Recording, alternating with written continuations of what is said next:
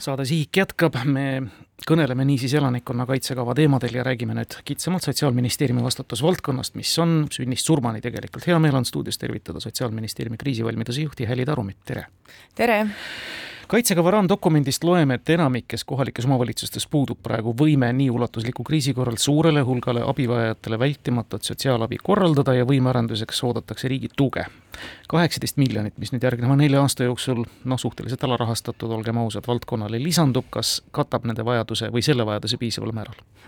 hea küsimus, kindlasti ei ole raha kunagi piisavalt palju, et kõik vajadused saaks kaetud, eriti kriisivaldkonnas, kus tõesti noh, peame me olema valmis no nii tõesti, nagu eelnev kõneleja rääkis, nii sõdadeks kui ka väiksemateks ja väiksemateks kriisideks. selle kaheksateist miljoni eest ma kindlasti nüüd ei julgeks lubada, et on olemas varud äh, siis äh, kogu vältimatu sotsiaalabi korraldamiseks riigiks või riigis. ma võib-olla nagu täpsustan, et mida see tähendab, et see vältimatu sotsiaalabi, ta on selline õiguspärane termin, tuleb sotsiaalhoolekande seadusest, aga selle all siis mõeldakse äh, toitu, riietust ja sellist ajutist eluaset, ehk nagu me nägime, räägime siin ka Ukraina sõjapõgenikega, põgenike kontekstis nii, nii kohalikud omavalitsused koostöös riigiga, koostöös Sotsiaalkindlustusametiga aitasid just neid samu äh, nii-öelda teenuseid äh, põgenikele pakkuda. Aga, aga mis me selle raha eest teeme, on äh, koostöö, ehk siis võtame needsamad kohalikud omavalitsused punti ja hakkame siis äh, nii-öelda paremini paika panema, kaardistama need ressursid, mis on kohalikel omavalitsustel, mis on riikidel, kus nad täpsemalt abi vajavad rohkem, kus saab riik midagi ära teha, kus võib-olla on meil siin näiteks Eesti Varude Keskus, kes koondab ka teatavaid varusid, saab mingis olukorras appi tulla. ehk siis tegelikult see kaheksateist miljonit jaguneb erinevateks valdkondadeks, peale selle vältimatu sotsiaalabi on seal sees meil siis ka psühhosotsiaalne abi kriisiolukorras, pluss siis noh, tõesti kõige suurema hulga rahast võib-olla neelab ikkagi meditsiinivaldkond, ehk siis äh, nii-öelda see, et me saaksime ka kõige kriitilisemas olukorras pakkuda omaenda elanikele tervishoiuteenuseid, neid, mis tõesti hädavajalikud on sellest kõneledes hädaolukorra ja kriisi puhul siis tõesti vältimatu ja paraku siis katastroofimeditsiini abi. me oleme efektseid kaadreid ju näinud tänu taevale esialgu vaid küll õppustelt mm., aga päriselus jagub meil nüüd päris ausalt tõele silma vaadates piisaval määral ravimeid, meditsiinilist varustust ja mis põhiline, et pädevaid inimesi arstiabi massidele anda jah äh,. ma usuks, et need on kuskilt maalt üles loetud? Need on üles loetud, äh, on olemas, on olemas kaardistus, palju meil on arste, palju on õdesid, palju meil on varusid ja noh, nagu ma ütlesin, nagu näitasid siin äh, tõesti, võib-olla vaatame Iisraeli Gaza olukorda, vaatame seda, mis Ukrainas äh, toimus, ehk need varud tegelikult kunagi selliseks sõjaolukorraks ei ole piisavad. Nad saavad otsa ja neid ei olegi võimalik võib-olla täies, täies mahus, täies mahus nii-öelda koondada, aga mis on kõige olulisem, ongi see, et on, inimesed on läbi harjutanud selle koostöö, kes mida teeb, kes kuhu läheb, kuidas nii-öelda teenused võib-olla pannakse püsti hoopis teises lokatsioonis, võib-olla mingis lokatsioonis ei ole neid turvaline üleval hoida, võib-olla peaksime kolima mingisse teise asukohta. et kuidas see koostöö toimub, kust need varud tulevad? et noh, need kokkulepped on täna kas siis olemas või tegemisel, ehk see on tegelikult see kõige olulisem. eks neid varusid, nii nagu näiteks Covid kriis oli ka meil siis puudu isikukaitsevahenditest, eks neid varusid tuleb siis ka olukorra tekkides täiendavalt nii-öelda juurde, juurde tuua koos abi paluda teistelt partneritelt. midagi meil muidugi on endal olemas, aga nagu täielikku aastateks varu, noh, see ei ole ka mõistlik koguda toosama kava näeb ette siis ka vaimse tervise ja psühhosotsiaalse abi pakkumise nii-öelda sihistatuna samm-sammult, kuhu me tahame jõuda. no arvestades, kui palju on kirjutatud või kõneldud spetsialistide puudusest isegi täna noh, tavapärase ehk rahuaegse eluteenuste pakkumisel, vabandust, aga kuidas me peaksime kriisidena siis hakkama saama mm -hmm. või mhm. kriisides hakkama saama sellesama abi pakkumisega mm? -hmm. no see see on see valus küsimus, võib-olla üks müüt, mida ma tahaksin siin kummutada, ongi see, et vaimse tervise abi ja eriti ka kriiside olukorras, et seda ei pea nüüd pakkuma või korraldama ainult ütleme, eri niisuguse väga spetsiifilise arsti väljaõppega inimesed, psühhiaatrid, psühholoogid. Ehk seesama selline, räägitakse sellisest kolmnurgast, ehk siis äh, ka sina, mina äh,, meie sõbrad-tuttavad, teised kogukonna liikmed tegelikult saavad toetada oma lähedasi ehk siis äh, nii-öelda täna on siis nagu ülesehitamisel selline raamistik, kus siis erinevad osapooled peaksidki kriisides siis oskama, esmalt siis see, et ma ise oskan äh, anda oma lähedasele vaimse tervise alast esmaabi, me tegeleme sellega, et me, inimesed, elanikkond omaks ka need oskused, kuidas siis teha, kui su lähedane tõesti ongi endast väljas paanikas, kuidas, kuidas ma temaga hakkama saan, mis ma teen ehk siis me hakkame vaikselt üles ehitama seda raami, et on need siis ka teiste valdkondade töötajad. me räägime siin samamoodi esmareageerijatest, politseinikest, päästeametnikest, keegi ei eelda, et politseinik läheb nüüd mingisugust psühholoogilist abi osutama, aga kui ta näeb nagu šokiseisundis kriisiolukorras inimest, ta peab suutma, ta peab oskama temaga toime tulla. ehk siis need abistajad ei tule kindlasti ainult tervishoiu või vaimse tervise sektorist, vaid need nii-öelda needsamad oskused tuleb kõigile kriisireguleerijatele ka siis nii-öelda õpetada, ehk siis kõik, kes tegelevad kriisi reguleerimisega, inimestega kokku puutuvad, nemad peavad suutma seda esmatasandi niisugust es, esmast niisugust vaimse tervise alast nagu abi pakkuda. ja kindlasti nagu erinevad, nagu Ukraina sõda on näidanud, nagu Covid näitas äh,, inimeste arv, kes siis erinevaid vaimse tervise probleeme selle kriisi tagajärjel või kriisi ajal põevad, noh, on tohutult palju ja noh, nende nii-öelda mingisuguse kitsama seltskonnaks kindlasti on vaja ka seda psühhiaatrilist abi ja aga see inimene peab sinna siis jõudma.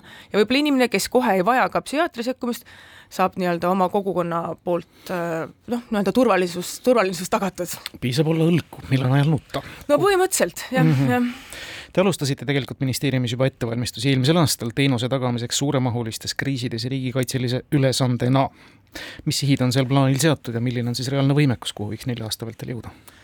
Ja noh, nelja aasta vaates ähm, tegelikult ma võib-olla astukski sammu tagasi, et äh, kui me vaatame nüüd, mis, mis Sotsiaalministeerium siin viimaste aastate jooksul kokku on puutunud alates kaks tuhat kakskümmend, mhm. me oleme saanud päris hea kooli mm. -hmm. ja ma arvan, et me oleme tõesti üks valitsemisala valdkond, mis on saanud nagu tõesti sellise kogemuse, äh, mis on nagu näidanud meile, et milleks me tegelikult valmis peame olema ja mis on, mis on ka minu arvates äge ja ka tõesti tunnustus meie koostööpartneritele et, et on nüüd ka tajutud seda, et Sotsiaalministeerium ja valitsemisala, Sotsiaalkindlustusamet, Terviseamet on nagu väga olulised ametid, kes samamoodi peavad kriisiolukorras reageerima mitte ainult siis politsei või siis päästeametnikud, eks ju, ehk siis kui need inimeste nii-öelda turvalisus on tagatud, kuskilt piirkonnast ära evakueeritud, siis peab ju mingi seltskond nendega nagu edasi tegelema. Ja siin on nii KOV-id, siin on ka meie, meie enda ametiasutused ehk siis, mis siis me siin neli, ligi nelja aasta jooksul oleme teinud, ongi see, et me oleme oma ametid ehitanud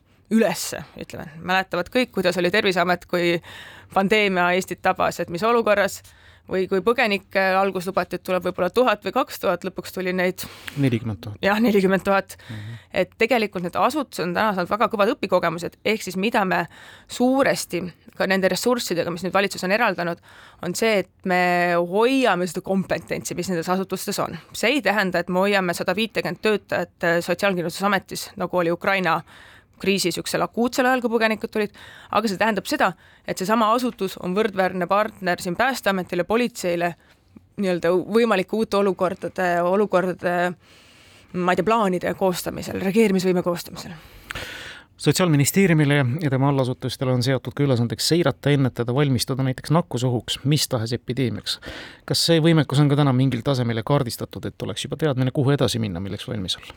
ja no mis see Covid, noh nagu me, nagu me mm -hmm. välja tõime, et Covid tõi hästi välja kõik need puudujäägid, mis meil olid ja üks oli siis tõesti ka seesama seire ja see seire on nüüd Terviseametis äh, oluliselt paremal tasemel, kui ta oli varem ja noh, me pidevalt vaatame, mi-, mi-, millisteks võimalikeks uuteks nakkushaigusteks me peame valmis olema. kas meil on plaanid, jaa, meil on olemas selles vaates, on olemas selline suurem plaan, mis nimetatakse siis kõikideks pandeemiateks valmisoleku plaan noh, mis näeb ette, milliseid erialasid valdkondades me peaksime teadus, teadus-arendus koha pealt nagu enam arendama, milliseid võib-olla eksperte rohkem koolitama, mis seab sellised suured sihid, võttes arvesse siis WHO selliseid soovitusi. ja teine on siis niisugune reageerimisplaan, mis on meil siis Terviseameti tasandil, kellel on siis tõesti olemas, ütleme, üks, kaks, kolm, neli nii-öelda käsku, ülesannet, mida teha siis, kui meil tuleb nii-öelda ohuteavitus selle koha pealt, et okei okay,, on näha, et ma ei tea, see gripipuhang on nüüd juba läinud üle käte ja siin tuleks hakata mingeid meetmeid, meetmeid nii-öelda rakendama. Kas see seire peaks piltlikult öeldes tähendama ka seda, et kui ma näen trollis näiteks kahte kõrvasügavat meest, väga imelik vaatepilt, et ma peaks sellest tingimata teada andma või, või Terviseametile ütlema, et siin on mingisugune uus nakkushaigus üleval? no te võite. Vaatame, mis nad selle infoga teevad, aga, aga ei, äh, see on selline igapäevane, iganädalane äh, tuginedes andmetel, tuginedes sellele infol, mida siis tervishoiuasutused edastavad Terviseametile. terviseamet on sellist äh, nii haiglaid, kiirabisid, teenuse osutajaid, olukorda Eesti tervishoius äh, nii-öelda seirav. Nad on selles mõttes äh, kursis, kui mingisugused suuremad probleemid kuskil paistavad. nüüd omakorda omakorda nii-öelda mm, küsimus on see, et kas me oskame sellele ohule kohe nagu reageerida. et noh, kriisi, kriisi reguleerimise niisugune A ja O on see, et tunne kriis ära mm.. et noh, sama ju selle Covidiga, et eh, keegi ei arvanud, et see Hiinast kuidagi siia Euroopasse või Eestisse jõuab, eks ju. aga seesama, et kas me näeme, kuskilt tuleb see punane võib-olla lipuke, et siis võib-olla isegi need, need, kes seiravad, näevad ära, aga need otsustajad, Häli, kuivõrd Sotsiaalministeeriumi teemade valdkond on sedavõrd lai, nagu olen korduvalt öelnud, imikueast kuni Raugejaani välja ja te olete saanud ikkagi riigikaitselise ülesande, kas on tagatud püsirahastus? vältimatul moel, sellisena, nagu vaja on, et kaitsekava eesmärkideni jõuda? Nagu eelkõneleja rääkis, need minimaalsed eesmärgid on nüüd paika pandud, neljaks aastaks on raha olemas Äh, aga kindlasti valdkonna eestkõnelejana tahan öelda, et siin on kõigest olemas nelja aasta rahad.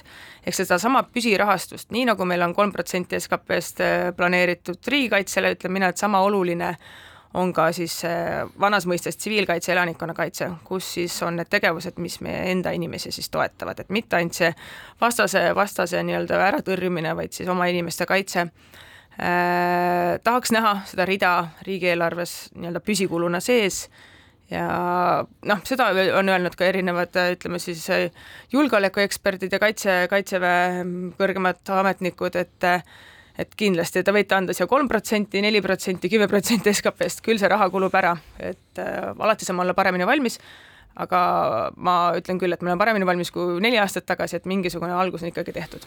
hea seegi, suur tänu teile tulemast, Häli Tarum, Sotsiaalministeeriumi kriisivalmiduse juht! aitäh!